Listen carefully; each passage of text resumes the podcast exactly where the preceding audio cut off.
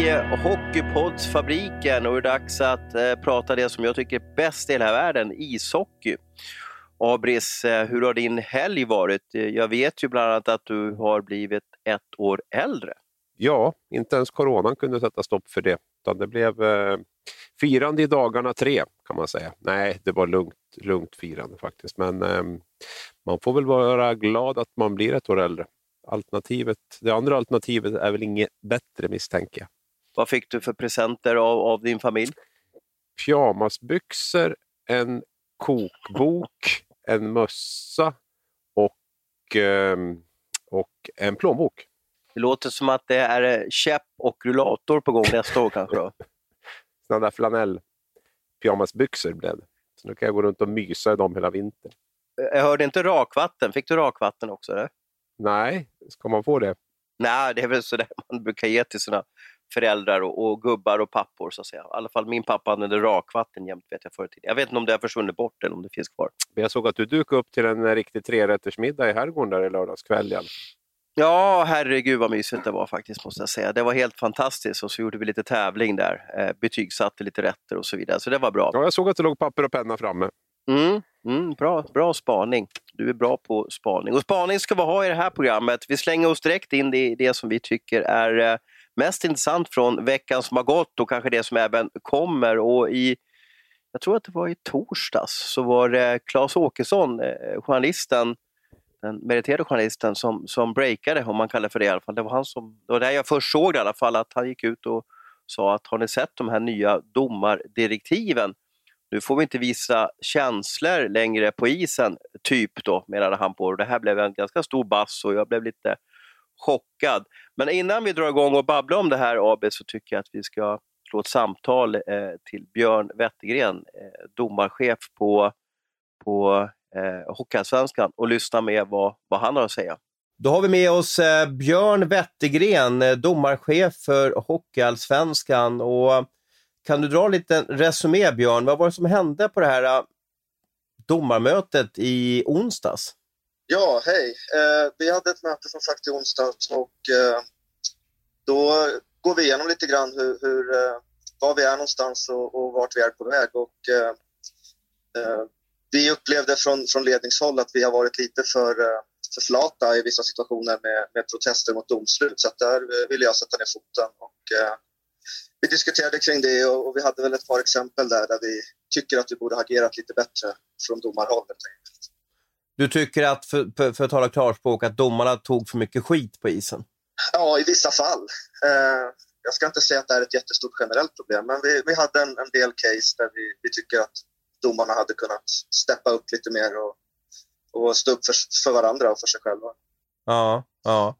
Hur tyckte du att det, det här var alltså ett formulär, ett papper som kom ut då i, i media, men det här var alltså bara en intern skrivning som egentligen bara skulle gå ut till Hockeyallsvenskan. Hade, hade ni kunnat vara lite proaktiv i, kommunikationen utåt där för att, ja, Ja, alltså herregud, med facit i hand så borde vi såklart hantera det här helt annorlunda. Det, det visar sig att det fanns ett jättestort medialt intresse för det här. Men från vår sida handlar det mest om, man kan se det som ett lagmöte där vi eh, går igenom vad vi, vad vi står, vart vi ska och vad vi, vad vi måste bli bättre på. Och, och sen ville jag ge sportcheferna och klubbarna en heads-up på, på vad vi har diskuterat. Eh, självklart så, så, så blev ju det, om man inte har varit med i den diskussionen och bara får till sig det här dokumentet så, så framstår det ju som att vi vill göra någonting mycket mer än, än vad vi egentligen pratade om. Så att.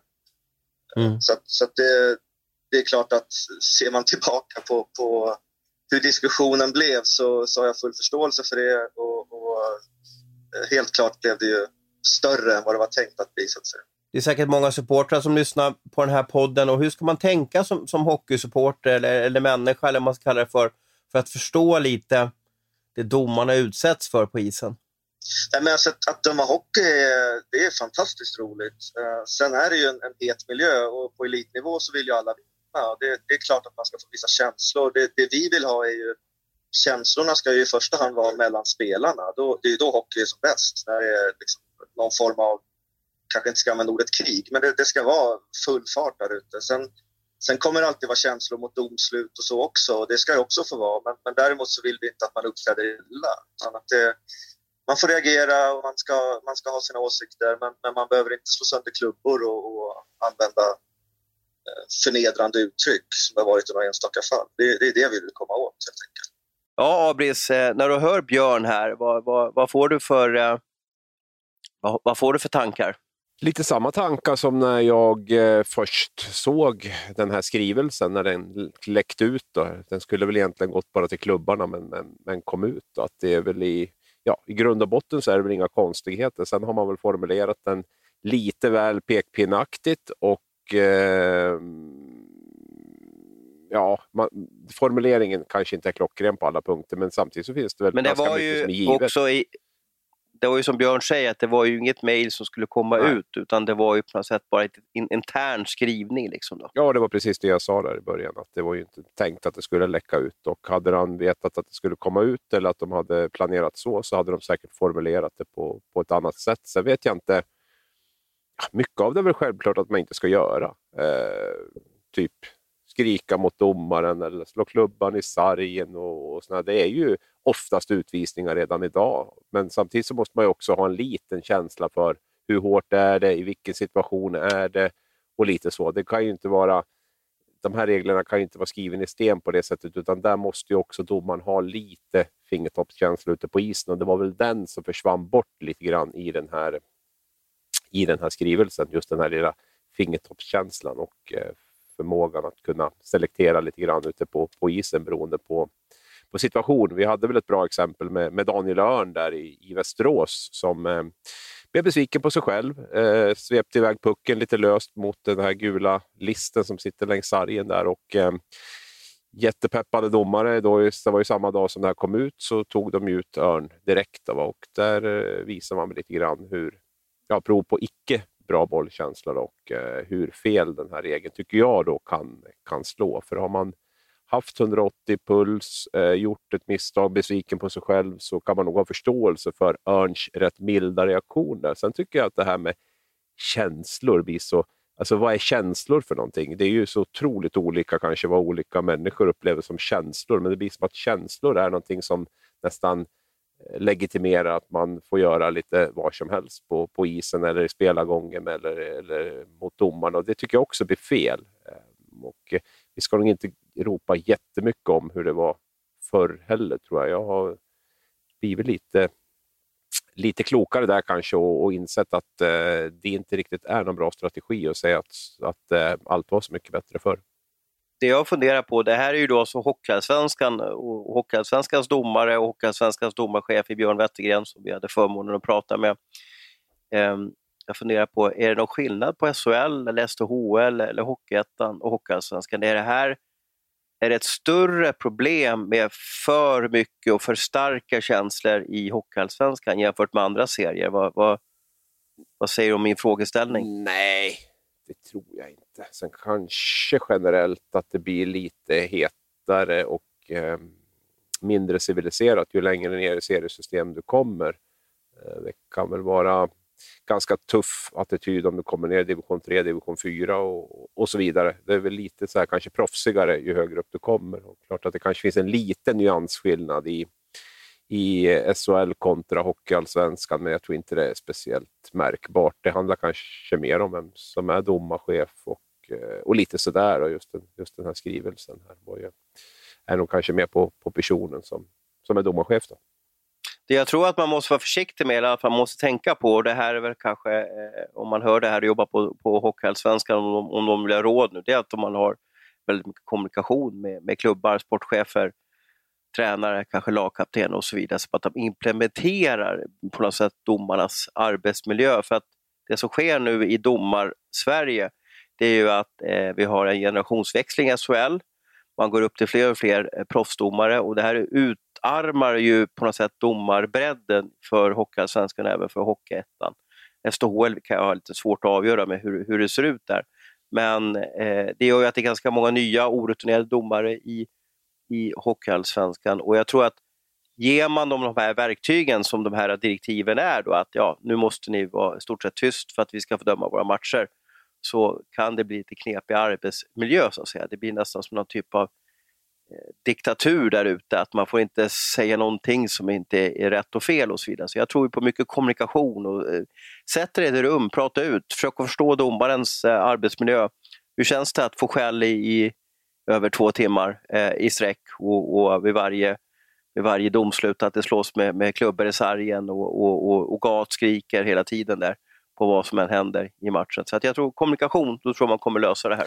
Det som var lite ja, intressant med det där var ju att eh, bara dagarna innan så gick de ut med att eh, nya sportchefen då, Erik Ryman hade bildat ett, en grupp då, med samtliga lagkaptener där man skulle ha en dialog under säsongen. och ehm, eh, och ja, just för att hitta en bra nivå på, på, på det mesta då, och ha en dialog och, och så vidare. Och sen, sen kom det här puff, bara några dagar senare. Där, så det blev väl lite så här dålig timing kanske på, på det där. Jag kan väl tycka att jag såg ett par matcher innan där, eh, jag tror det var dels uppe i Björklöven och sen var det Södertälje, Karlskoga uppe där, där det var ganska så, ja, det var väl inte så här super eh, trevlig stämning på isen och mot domar och allting där. Och, eh, det var väl lite det som fick domarna att reagera vad jag förstått det som. Och, eh, och eh, då, men då kan man väl skicka ut ett brev och säga att nu, hallå, nu har det varit för mycket tjafs på isen. Vi kommer att vara mycket hårdare på de här grejerna med, med attacker mot domaren eller, eller slag eller vad det nu kan vara för någonting. Mer än så behöver det inte vara. Det blev ju väldigt så här, magisteraktigt och, och punkta upp det sådär och väldigt stelbent också.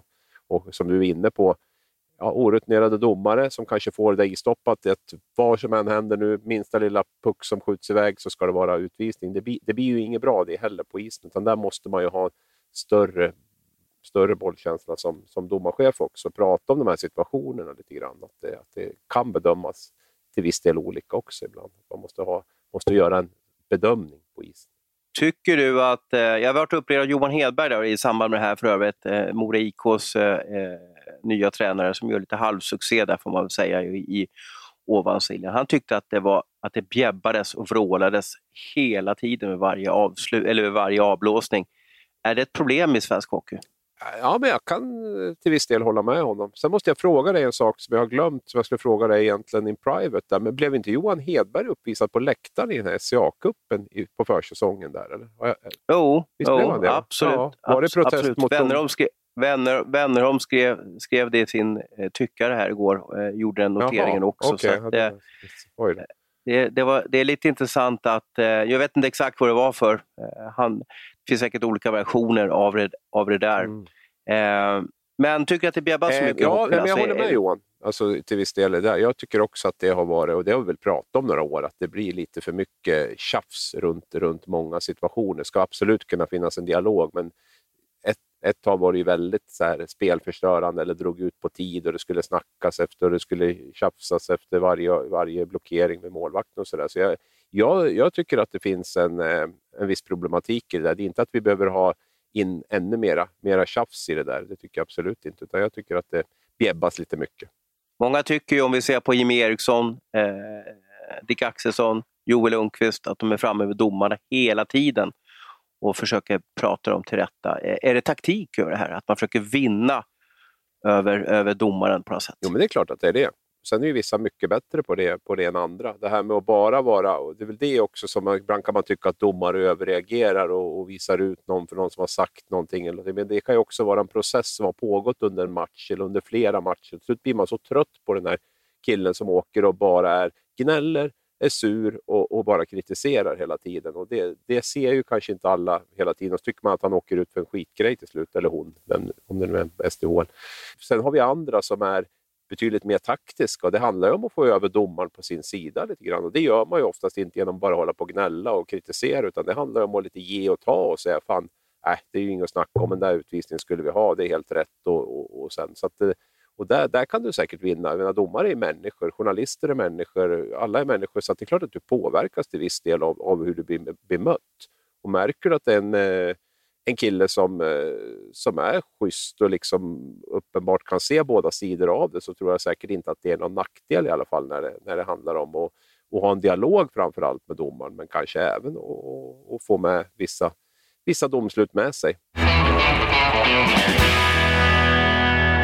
SHLs stora succélag 2020-21 eh, eh, måste vi ändå säga, i alla fall hittills, är IK Oskarshamn. Man eh, man är väl som nästan lite nykomling eftersom förra säsongen inte spelades klart. Då. Och nu gör man sin andra säsong i SHL genom tiderna och just nu så ligger man på en femte plats. Du har ju gjort en egen tabell där, en, en poängsnittstabell. Hur, hur, ligger man till i den? Mm, fyra ligger man i den. Så det är väl... Man ligger ännu bättre mm. till där alltså? Då. Ja, absolut. 1,9. Man, man har Rögle, Luleå och Frölunda framför sig. Lag som vi har hyllat rätt rejält tidigare i den här podden faktiskt.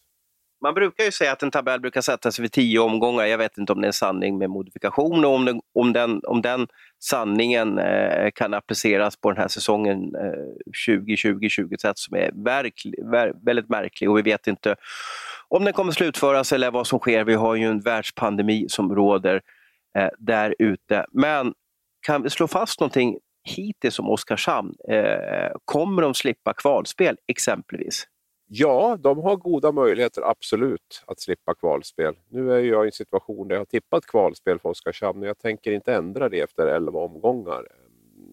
Men eh, deras odds har ju definitivt stigit, eller vad säger, ja, stigit eller sjunkit eller vad det nu blir för att, för att undvika kval. Det är inget snack om det. Chans, chansen har ökat, oddset har sjunkit. Precis, så kan man säga. det är så det ska vara. Eh, så att jag, jag är inte lika säker nu som jag var i september. Det ska jag villigt erkänna. Och det är väl häftigt också att det, att det är på det sättet. Man har, ändå, man har ändå de poäng man har nu. Och jag satt och tittade på det där och fick gå fram till jul förra året. Eh, jag tror det var 25 omgångar eller någonting innan Oskarshamn hade plockat in 21 poäng, vilket man har gjort på 11 matcher nu. Så att eh, de kan ingen ta ifrån dem.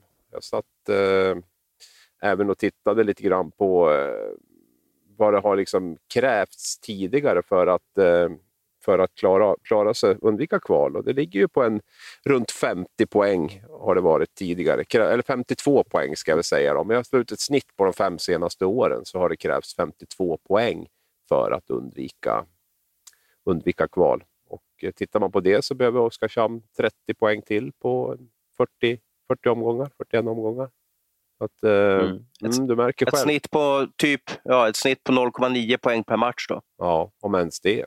Blir det så mycket? Mm. Ja, jag tror till och med kan vara under det. Men, men eh, för som sagt, ja, ja, det ligger väl där som du säger. Och sen... Men varför har du och jag och, och typ varenda eh, hockeyjournalist eh, missbedömt Oskarshamn om vi tar deras eh, streak hittills som ett typ av facit att de kommer lyckas? Nu ska vi vara försiktiga. Vi har väl haft de här pop-up-lagen. Kan vi dra dem på, på rak arm vilka de har varit de senaste tre, fyra åren? Det är väl i alla fall Karlskrona ett av åren. Vi hade Linköping för något år sedan med Tommy Jonssons flygande start. Vi hade Örebro förra hösten. Eh, vi har Oskarshamn nu. Det, det går, vi har ju tippat tabellen efter 52 omgångar. Det måste vi ändå vara mm. tydliga med. Men du tror fortfarande att Oskarshamn kommer på plats 13 ja, eller 14? Ja, jag gör det. Fast jag är oj, inte alls lika oj, säker. Oj. Men eh, nej, nej jag, jag ändrar nej. inte på det. Gör inte du det eller? Alltså har man vunnit sju matcher på de första elva eh, och, och, och spelar så pass hyfsat stabilt, man vinner matcherna med ganska liten marginal, det vill säga att man bara plus sju i målskillnad fast man ligger ja, på plats fyra eller plats fem, beroende på vilken tabell man använder. Eh, det är ju imponerande eh, och det finns väl egentligen ingenting som talar för att man ska sjunka i tabellen, förutom att just det här att det är så svårt att etablera sig i SHL. Det vill säga att det finns en risk för att man eh, eh, drar lite slutsatser och är kanske lite nöjd på hösten. Men de har skapat en vinnarkänsla och de har en ganska intressant grupp där plus en målvakt som levererar.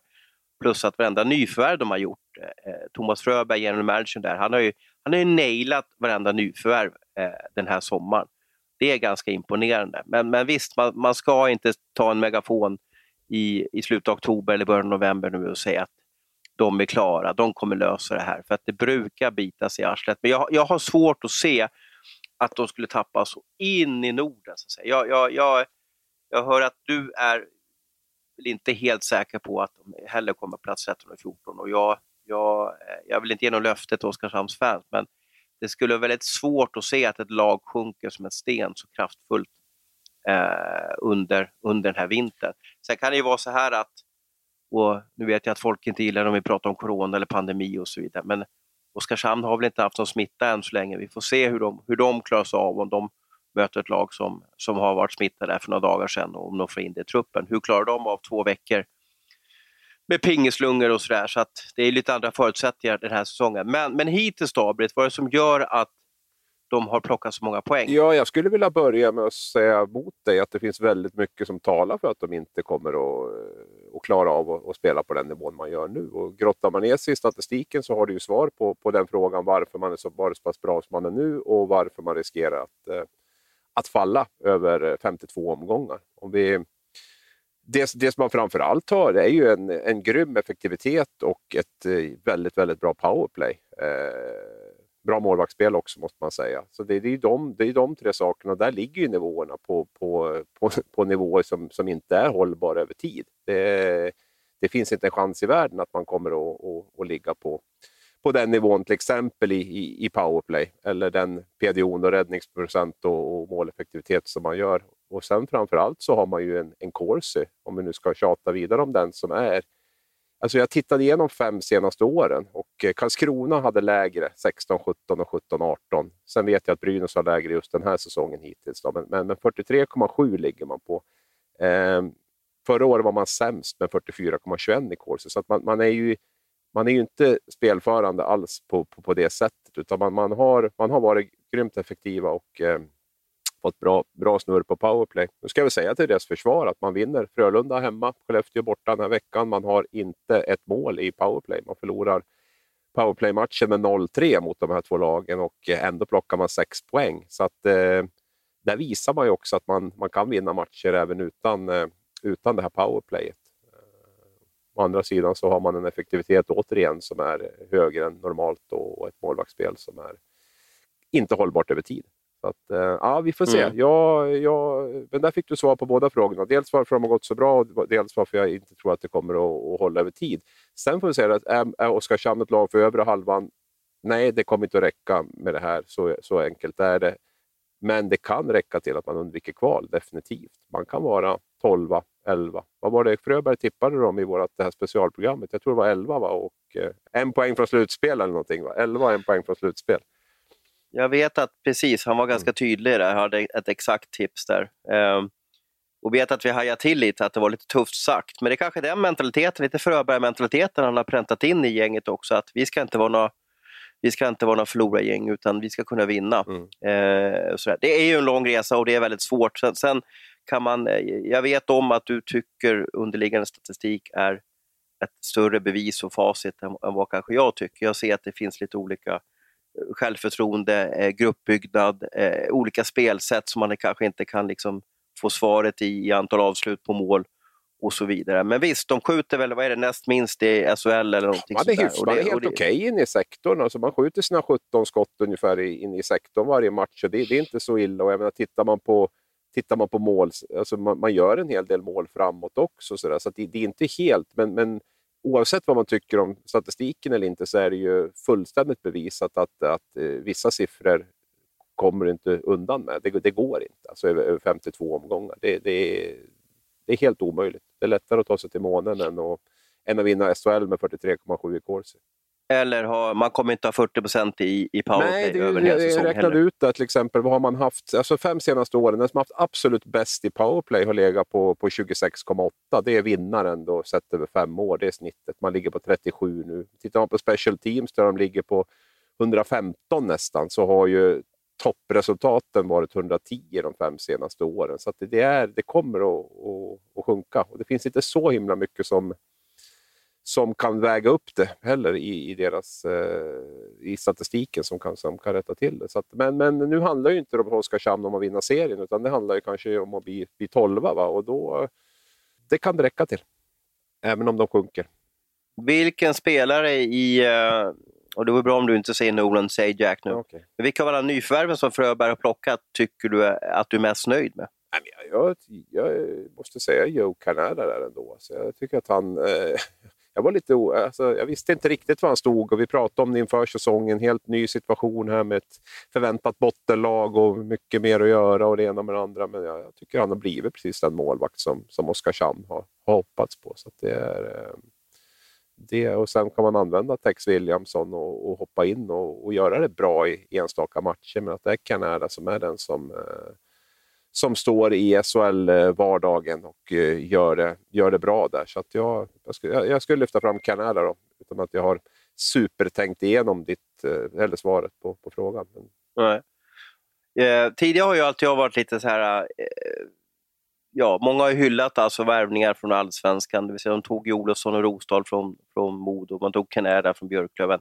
Har det hänt någonting i svensk hockey att de här toppspelarna i allsvenskan även klarar av att leverera i SHL? För det är ganska ovanligt. Det är många som inte gör det, utan det som brukar bli att man ja, att det blir floppvärvningar trots att man har haft ett dominant år i Hockeyallsvenskan. Eller vad är det som gör att Olofsson, Rosdahl, i alla fall hittills snittar en poäng per, per, per, per match? Vad är det som gör att jag Canada spikar igen i stort sett i, i, i eh, ja, även SHL? Då? Har, har det hänt någonting i SHL-spel eller är det en speciell säsong eller är det bara hold your horses, vi har spelat tio matcher?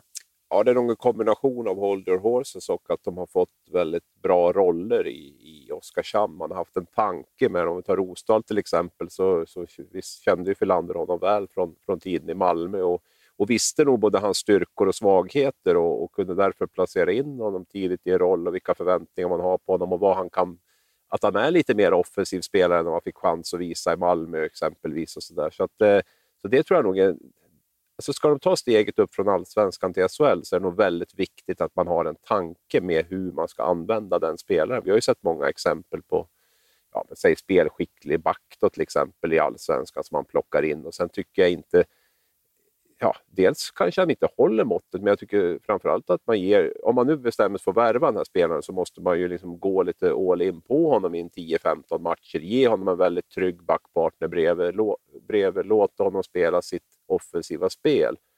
Funkar inte då, ja men då har man i alla fall gjort ett försök och, och funkar, alltså, och annars ska man nog inte värva den här spelaren, för det blir lite sådär halvdant. Ja, vi tar han, men vi äh, sportchefen tror att det kan bli okej, okay, men tränaren är inte sådär jätteinne på att det kommer att bli bra, så han får inte ens chansen i powerplay på försäsongen och sådana saker. Så det, jag tror att det är en nyckel om du ska få spelare som ska lyckas högre upp i, i divisionen. Jag tycker Joel Persson är ett strålande exempel på, på hur Växjö verkligen eh, matchade in honom där. Jag tycker Rögle också har en jättebra eh, inmatchning med, med Moritz Seider där, även om det är en helt annan spelartyp. Det är ju en en blivande NHL-back naturligtvis, men ändå att de får den här, får, får spela bredvid Jellernas, alltså liksom får komma in i spelet snabbt, känna sig liksom att, han, att man har en tanke, roll till honom. Så det, det, är, det tror jag är nyckeln mer än att man ska diskutera olika, om nivåerna har tryckts ihop eller inte. Vi hyllar Oskarshamn. Ett lag som eh, just nu ligger sist i serien är ju Linköping. Uh, ligger de även sist i din supertabell, där, poängsnittstabellen? Eller hur Nej, ligger de där ligger där? Malmö sist, 0,7 i poängsnitt och eh, Linköping 0,8 i, i poängsnitt. Sen är det ett hopp upp till Djurgården och Leksand på 1,1 där på, på de här i, ja, in the middle of nowhere-platserna. Det som är fascinerande med Linköping är att det är det laget som har drabbats hårdast av eh, eh covid. Eh, de har bara spelat åtta matcher hittills och hade eh, över 20 spelare och ledare smittad i covid-19. Eh, och det här innebär att de har flyttat upp mängder med matcher. Jag satt och räknade, i eh, januari kommer de att spela 12 matcher på grund av ett komprimerat spelschema. Hur kommer de här lagen som har fått många uppskjutna matcher drabbas av, av, av ja, det, det forcerade spelschemat som blir nu?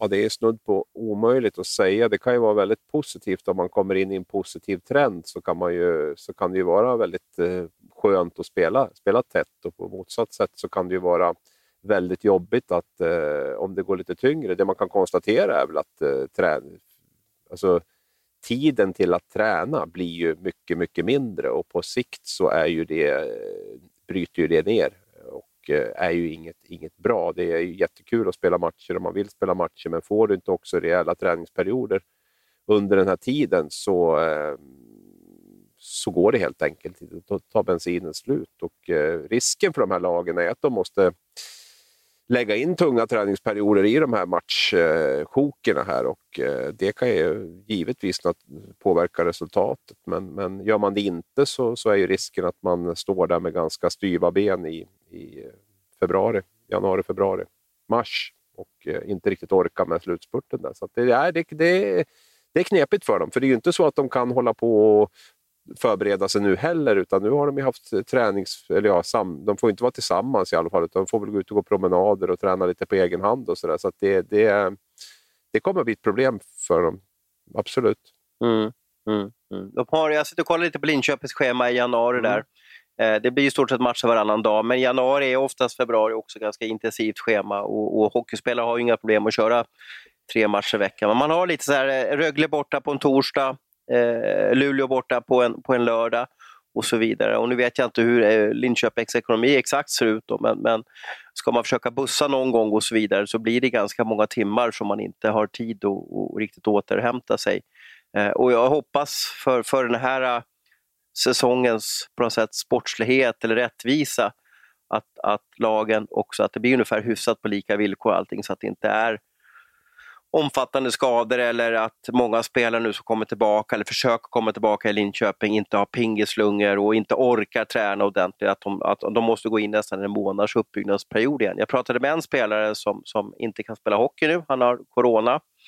Eh, han sa att han hade jobbigt, och det här vet ju du Abris, han kunde, när han gick upp för trappan så sa han att han blev andfådd och då funderade jag på hur, hur, undrar den här killen ska klara av att spela SHL-hockey. Hur länge dröjde det innan du återhämtade dig? Nej, men jag känner fortfarande, det var som jag sa förra programmet, för att jag känner ju fortfarande när jag de få gånger jag är ute och springer och får upp lite puls så känner jag ju fortfarande en sorts ärrbildning eller vad man ska säga i lungorna. Så, att, eh, så det är inte, det är inte jättekraftiga symptom. Men nu är jag en, en 51-årig motionär, så det är ju inte så att jag behöver topprestera när jag är ute. Men jag, jag, jag har ställt mig lite frågande till det där hur, hur de kommer att, vilka sviter de kommer att få på vissa. Det är säkert väldigt olika. Och vissa av de som är smittade nu har ju inga symptom alls.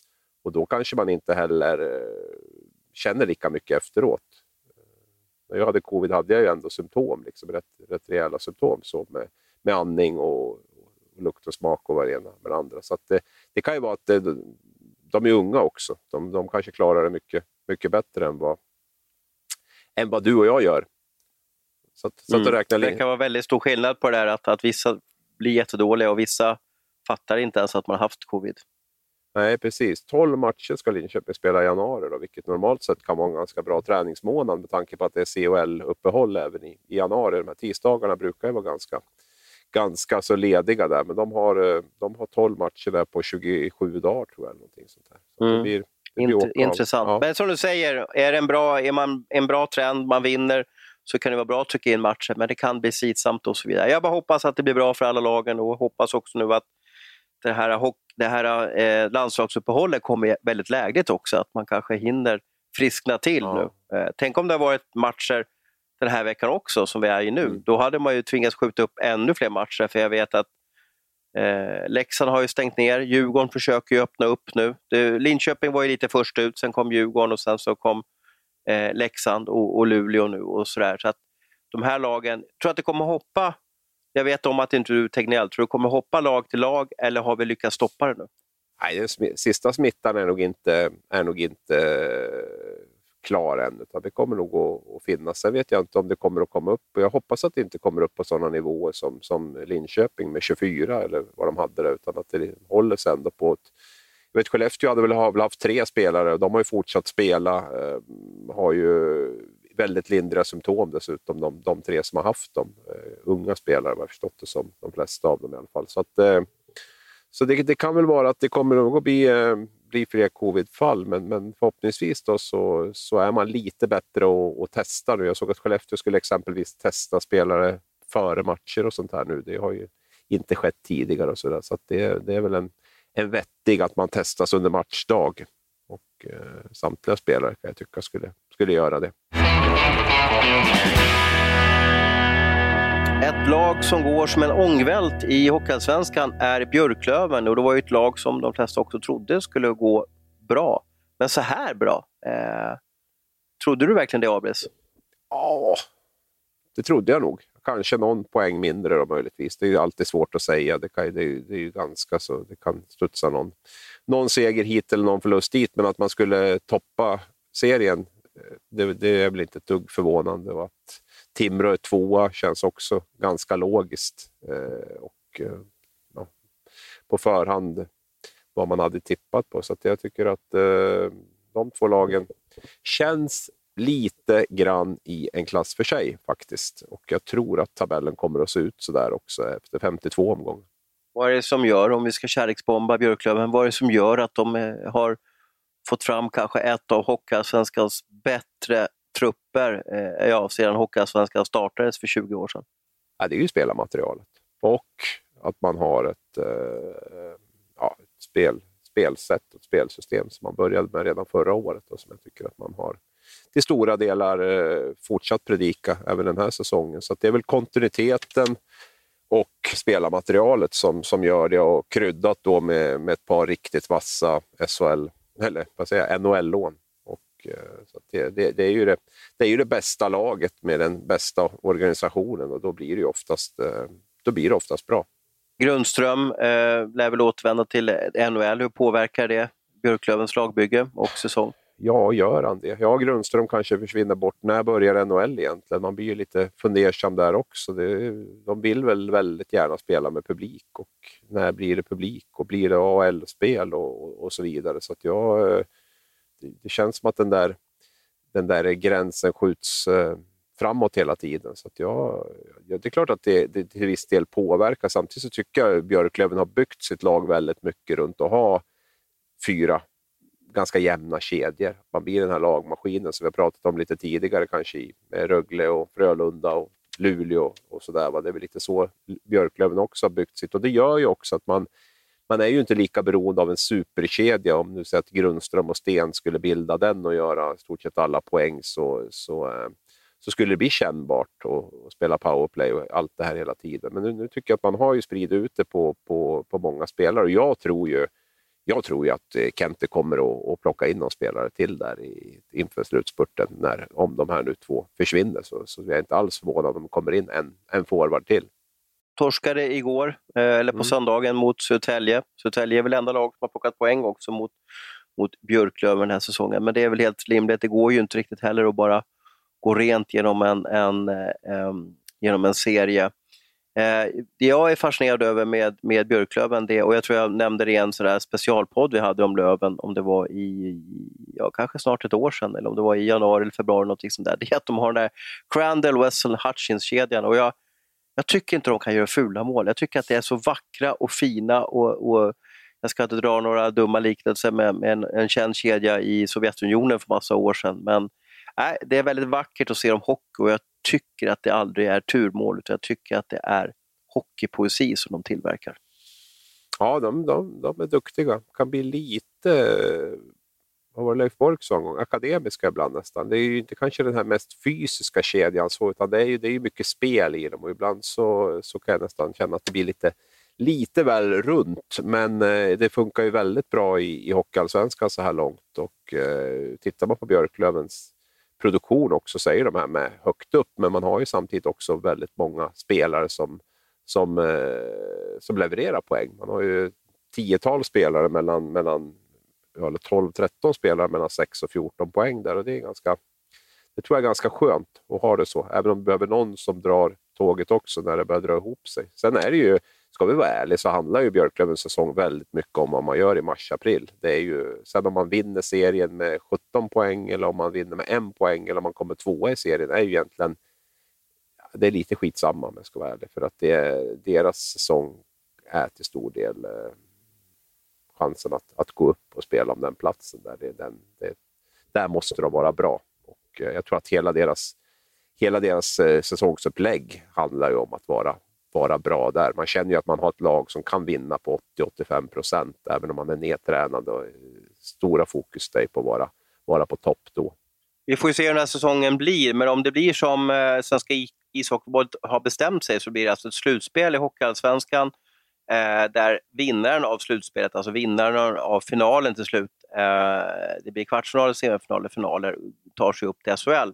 Och det är ganska spännande om nu Björklöven skulle få möta Södertälje som hittills, i alla fall på 11 matcher, är ett lite boogie-team för, för, för Björklöven.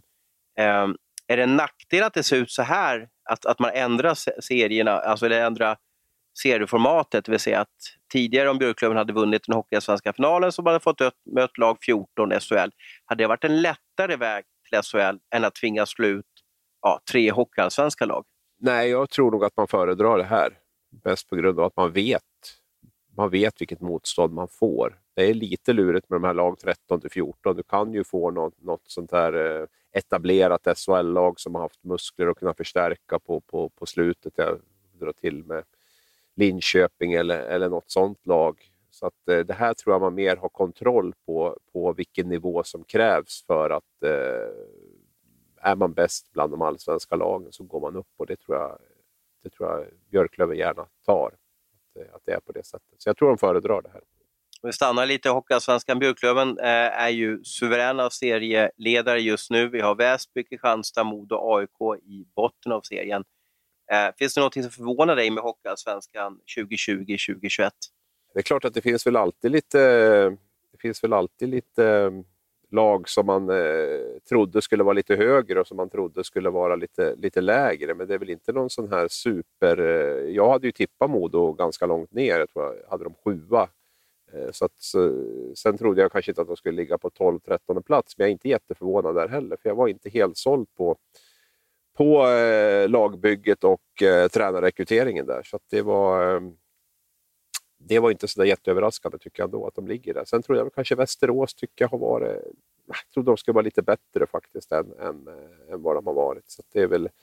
De känns väldigt ojämnt och, och sådär i inledningen. Så det har väl varit en, också, tycker jag, en, en besvikelse. Men i övrigt så, så känns det väl ganska som, ganska som förväntat, måste jag säga. Vi har väl de, tittar på de topp sex där så är det ju Björklöven, Timrå, Södertälje, Karlskoga. Tingsryd hade tippat längre ner, ska jag erkänna. Västervik. Kalin brukar ju alltid få till det helt okej okay där i Västervik, så det är väl ingen jätteskräll. Eh, Mora tycker jag imponerar. Inga NHL-lån inne där. Tycker Johan Hedberg känns som en väldigt spännande tränare. Eh, Almtuna har ju också förstärkt rejält med NHL-lån, så det är väl ingen överraskning att de är där. Västerås har vi nämnt. Vita Hästen ungefär som förväntat. AIK, ja, där har vi ett lag som, som, eh, som jag trodde skulle ligga lite högre upp faktiskt, det ska jag erkänna. Och, eh... Bara 22 mål på 10 matcher mm. med, med, med de här forwardspelarna. Mm. Ja, nej, det, det, är en, eh, det är en missräkning där och de har inte riktigt fått ut det, det man hade trott. Sen var det väl till viss del lite, lite ihåligt lagbygge där. Eh, framförallt kanske backsidan och målvaktssidan kändes lite osäkert innan, men det är ju som du säger, det är snarare så att man har haft problem med att producera istället. Det är väl lite en omställning där också. Ny tränare där med Håkan Åhlund och sådär. Det kan ta lite tid att och sätta, sätta sakerna. Så jag tror att AIK kommer att klättra lite grann, men kanske inte blir riktigt det topplaget jag hade tippat dem som. Kristianstad-Väsby känns ju som att de är, vi kommer att vara kvar där nere. Vi har varit med länge du och jag i branschen. Eh, det första landslagsuppehållet är ju sådant nu. Eh, juniorkronorna kör sina matcher och Tre Kronor spelar i Hartwall där man spelar Karjala Tournament. Men det här uppehållet brukar också vara eh, starten på en tränarsparkningssäsong. Det vill säga, det brukar alltid sparkas 3-4 tränare i SHL och kanske ungefär lika många i Hockeyallsvenskan. Tror du något lag eh, byter tränare under, under höstlovet?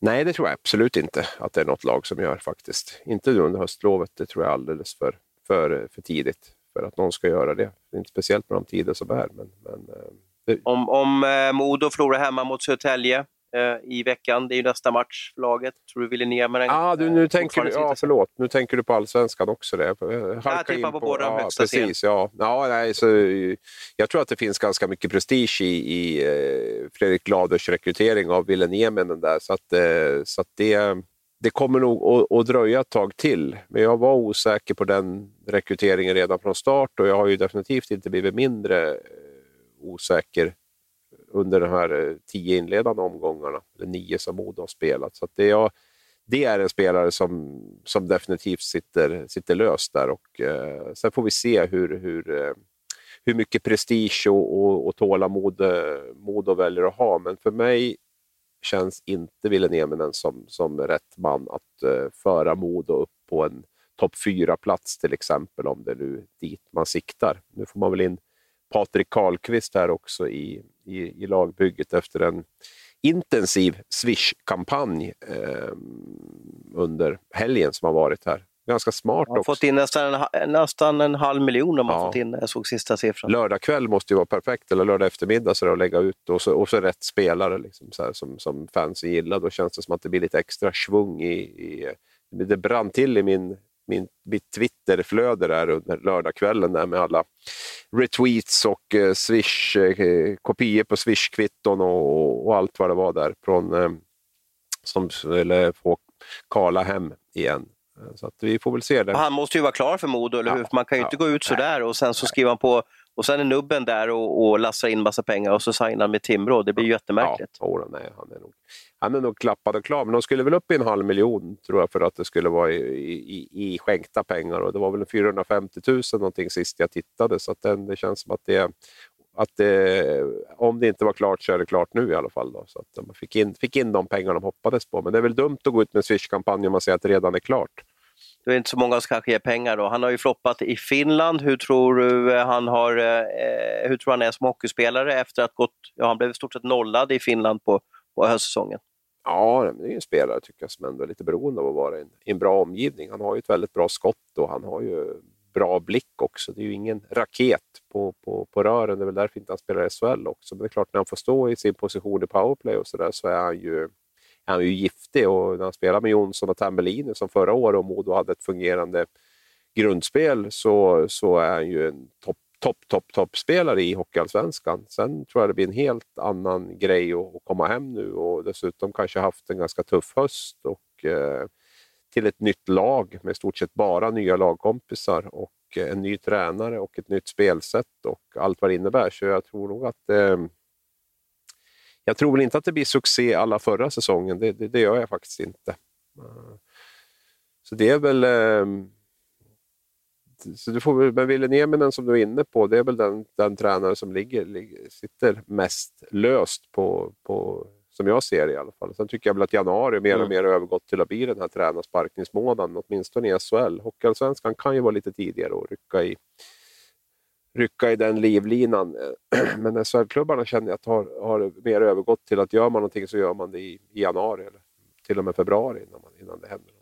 Sen är det ju så här också att när de får in Karlqvist nu så kommer de ju han blir ju, han blir ju som en eh, eh, ängel eller räddande ängel. Eller, eh, han kan ju, om, om de börjar vinna matcher direkt, då sitter ju Villeneuve den direkt säkert. Det funkar ju så. Va? så att, det är bara att hoppas på Ville att han lyckas få igång Karl, att han kanske avgör mot Södertälje om han nu kommer in så snabbt. Då. Så att, eh, vi får se vad som händer där.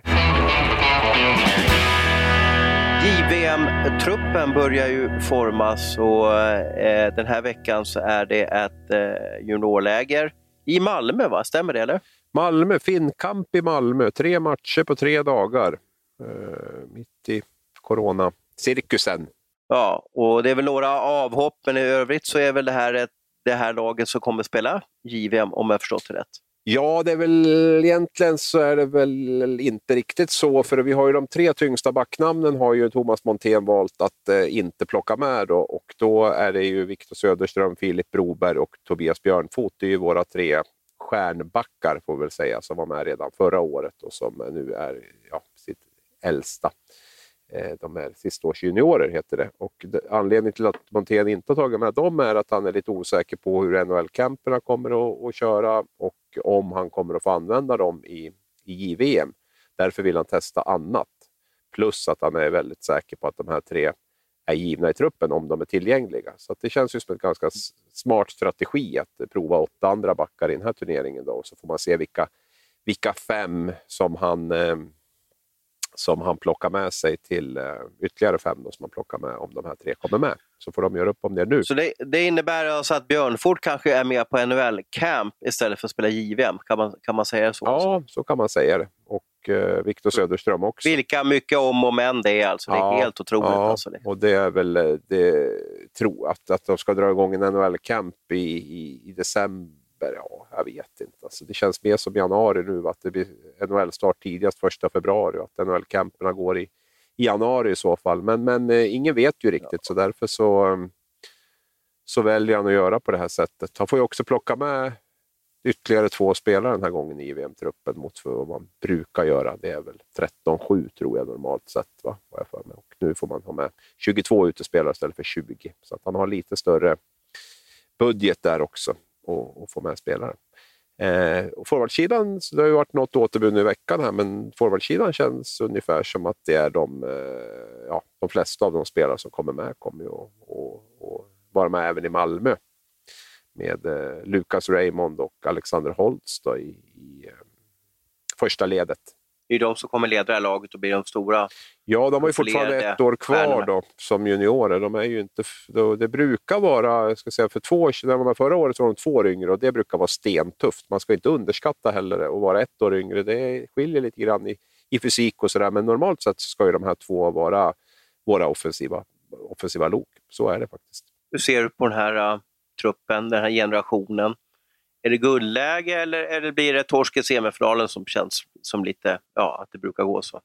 Det är väl eh, på förhand, nu har vi inte sett trupperna i de andra, men vi kan ju räkna med att om vi får med de bästa så får ju även Kanada säkert med sina, sina bästa eh, spelare som, som normalt sett skulle ha spelat i, i NHL då, och eh, även USA och till viss del Ryssland. Så, så att det kommer ju att bli det kommer ju verkligen att bli de bästa på plats som det ser ut nu från, från alla, alla nationer. Och, det gör ju att Kanadas spets brukar vara, vara svår att eh, stå emot. Jag kan tänka mig en sån som Lafreniere kommer att, att komma. Det hade han normalt sett inte gjort till, till, till en vanlig till en normal JVM-turnering. Så, så det, det känns väl som att vi ligger där och, och puttrar någonstans vid eh, tredje, fjärde lag med, med skrällchans naturligtvis. Då. Backsidan är ju, är ju lite av en våt dröm faktiskt. Den, den är ju, har ju varit det i Typ tredje året nu som den är otroligt bra. Liksom. Så det är, där är vi ju, där är toppklass. Sen är jag osäker. Centersidan tycker jag ser eh,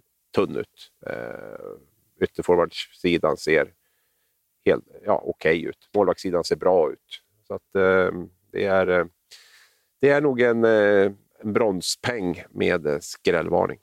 Har vi någon sån där komet under hösten som liksom kommit från ingenstans eller division 2 och som bara kommer spelas rakt in i given-truppen?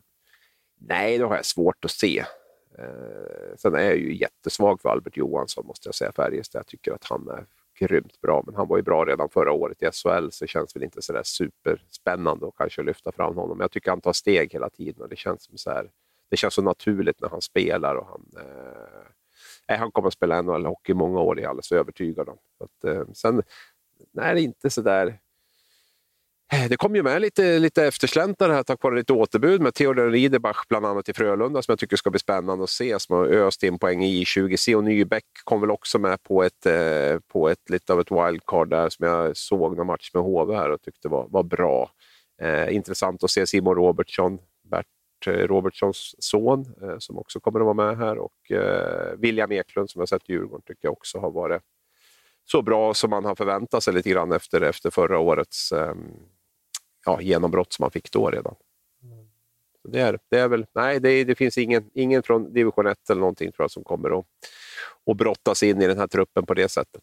Spännande. Eh, vi ska avsluta den här podden med lite eh, läsarfrågor, lite Twitterfrågor främst. Då. Och jag ställde väl frågan på sociala medier i morse här och fick in några frågor i alla fall. Vi har Niklas P, Nickelek som han heter på Twitter. Eh, hur stor sannolikhet anser ni att säsongen 2021 spelas färdigt? Och eh, han säger att han följer Rögle och, och tycker att den här säsongen känns lite B, typ om, om Rögle skulle vinna guld. Inget kul. Eh, frågan är alltså då eh, om vi tror säsongen spelas klart. Ja, det är jag alldeles övertygad om att det gör. Om inte det blir något extremt förvärrat världsläge så att man stänger ner allting. Men, men det, det sista man vill göra är ju att eh, inte spela klart och det kan man nog tänka sig att spela betydligt längre om det, om det krävs också än, än vad, som är, vad som är tanken. Så att, att grundserien kommer att spelas klart är jag alldeles övertygad om och även någon typ av slutspel också. För det är ju, som vi har varit inne på förut, eh, stort sett den enda intäkt man har den här säsongen är ju, är ju tv-pengarna. Och skulle man ställa in säsongen så, eh, så försvinner ju även de. Jag menar, det var ju ställde, ställ, slutspelet ställdes ju in och vad jag förstod så, så fick man ju ändå, behövde man inte betala tillbaka några pengar nu i alla fall för, för det inställda. Men skulle även delar av serien nu bli inställd så kommer det definitivt att bli återbetalningskrav på, på pengar som man redan har fått ut och som man behöver mer än någonsin. Så det, det är det sista alternativet. Mm. Så i Schweiz så diskuterar man att slopa slutspelet, att gå på grundserien, spela klart den, sikta på det, att det var det viktiga då? Ja, Sen vet det var ett helt annat tv-upplägg också där i, Schweiz. Inte alls samma, samma summor och, och så. Så att, eh, där är ju publiken än viktigare än vad den är i, i SHL, i Schweiz. Där. Så att, eh, ja, vi får, får se där. Men jag, jag är övertygad om att man kommer att göra allt som bara går för att eh, kunna spela klart kan bli SM-final i eh, slutet av maj. Det var intressant. Eh, vi har Henrik Andersson, eh, Henrik Andersson 10, som eh, skriver så här. Karla Cup, utropstecken. Varför slopar man inte den turneringen i dessa tider? Det här var vi väl inne på förra veckan, men det handlar ju om att det finns lite intäkter för arrangörsländerna och att eh, just nu så eh, tycker man väl kanske inte att det är någon panik där ute. Det är ju därför man genomför det här, eller? Ja, absolut. Det är väl Finland som har valt att arrangera den här turneringen och de andra länderna gör väl egentligen bara det de blir tillsagda att göra och kan jag inte Finlands hockeyförbunds avtal fullt ut men jag, jag tror att det har en ganska stor ekonomisk påverkan om man spelar turneringen eller inte och att det är stor anledning till att man, att man gör det. För Finland är ju lite samma. Det finns ju, alltså, ja. det finns ju ett avtal mellan Sverige, Tjeckien, eh, Ryssland och Finland att man har en landslagsturnering ja per år, det vill säga att man spelar Beijer Hockey Games, man spelar eh, eh Kaila Tournament och så, så spelar man i i Moskva vid, vid, typ jul och sen så har den här checkturneringen har legat både på hösten och, och på våren och, och, så vidare. Och för en del länder, som, som, du säger, bland annat Finland, så är det här en jätteviktig intäkt. Jag, jag vet inte riktigt hur Beijer Hockey Games, eller Sweden Hockey Games, eller LG Hockey Games, hur det står sig rent intäktsmässigt för svensk hockey. Men, men när jag har varit i Finland på, i Hartwall så brukar det vara jättemycket folk. Det brukar vara upp mot 30 000 som spelar matcherna och det är ju, det är ju viktiga pengar. för Jo, för men det blir det ju inte nu i alla fall. Utan de måste ju ha en ganska bra tv-avtal för det blir ju ingen publik i arenan i alla fall vad jag förstår det som. Eller? Nej, jag vet inte hur sponsorerna, hur de gör, alltså om det är viktigt med det i alla fall. Men eh, nu, de samlas ju, samlas ju på måndagen och åker nu till, till Helsingfors, så att det går ju inte, fast Henrik är besviken på det här, så går det inte att stoppa. Utan det är ju, nu är det bara att köra. Nu är det bara att följa de här tre matcherna. Mm. Eh, och det är ganska intressant lag kan jag tycka. Många unga som har fått chansen. Så får man se hur, hur det går för dem. Eh, Viktor Sjödin, Sjödin86 på Twitter, säger så här. Klubbarna får kritik för att de inte drog handbromsen i mars och april. Vad kommer folk säga eh, i januari? Eh, vad, vad, skulle klubbarna gjort i oktober då? Förstår du, hans, ja. förstår du Viktors ja, ja. frågeställning? Ja, ja. Eh, de skulle ha stängt ligan kanske. Okej. Okay. Ja. Mm. Det är det du varit inne på, ja precis. Mm. Ja.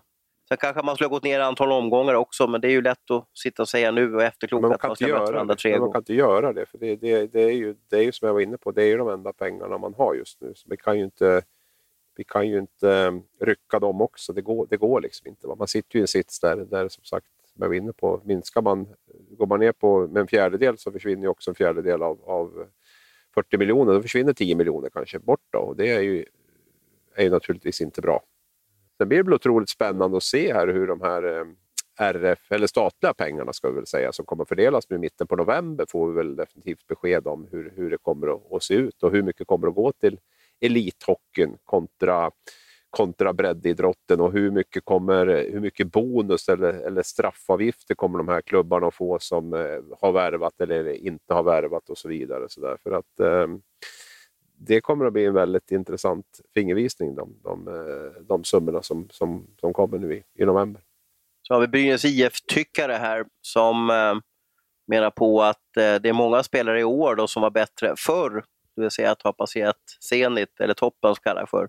Och han vill att vi ska diskutera lite kring de här, mm. vart de är på väg. Då. Filip Sandberg, Axel Holmström, Emil Johansson, Sigale Gordon, Ritola, Johan Sundström. Man kanske även ska lägga dit Joakim Lindström, eller?